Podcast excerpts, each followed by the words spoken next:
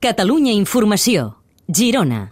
La Direcció General de Trànsit s'ha fixat com a prioritat retirar de les carreteres els conductors que circulen amb permisos falsificats que es van detectar al maig en una operació policial que es va fer a Segaró. Ho ha dit avui a Girona el cap de la DGT, Pere Navarro. Albert Requena, bon dia. Bon dia.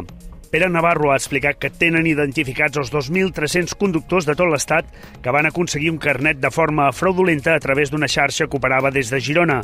Navarro ha afegit que ara es vol treure de circulació tots aquests carnets. La prioritat nostra en aquests moments és treure de la via pública tots aquells que condueixen amb un permís irregular. L'altre estem amb el jutjat, col·laborant, fent informes i de més per lo que pugui ser. Mentrestant, la cap provincial de trànsit a Girona, Marta Solano, ha dit que no és fàcil perquè cal la intervenció judicial i del Consell d'Estat. Están identificados, están trazados, sabemos que han sido obtenidos de forma ilegal, pero existen unas reglas procesales y administrativas que se tienen que seguir.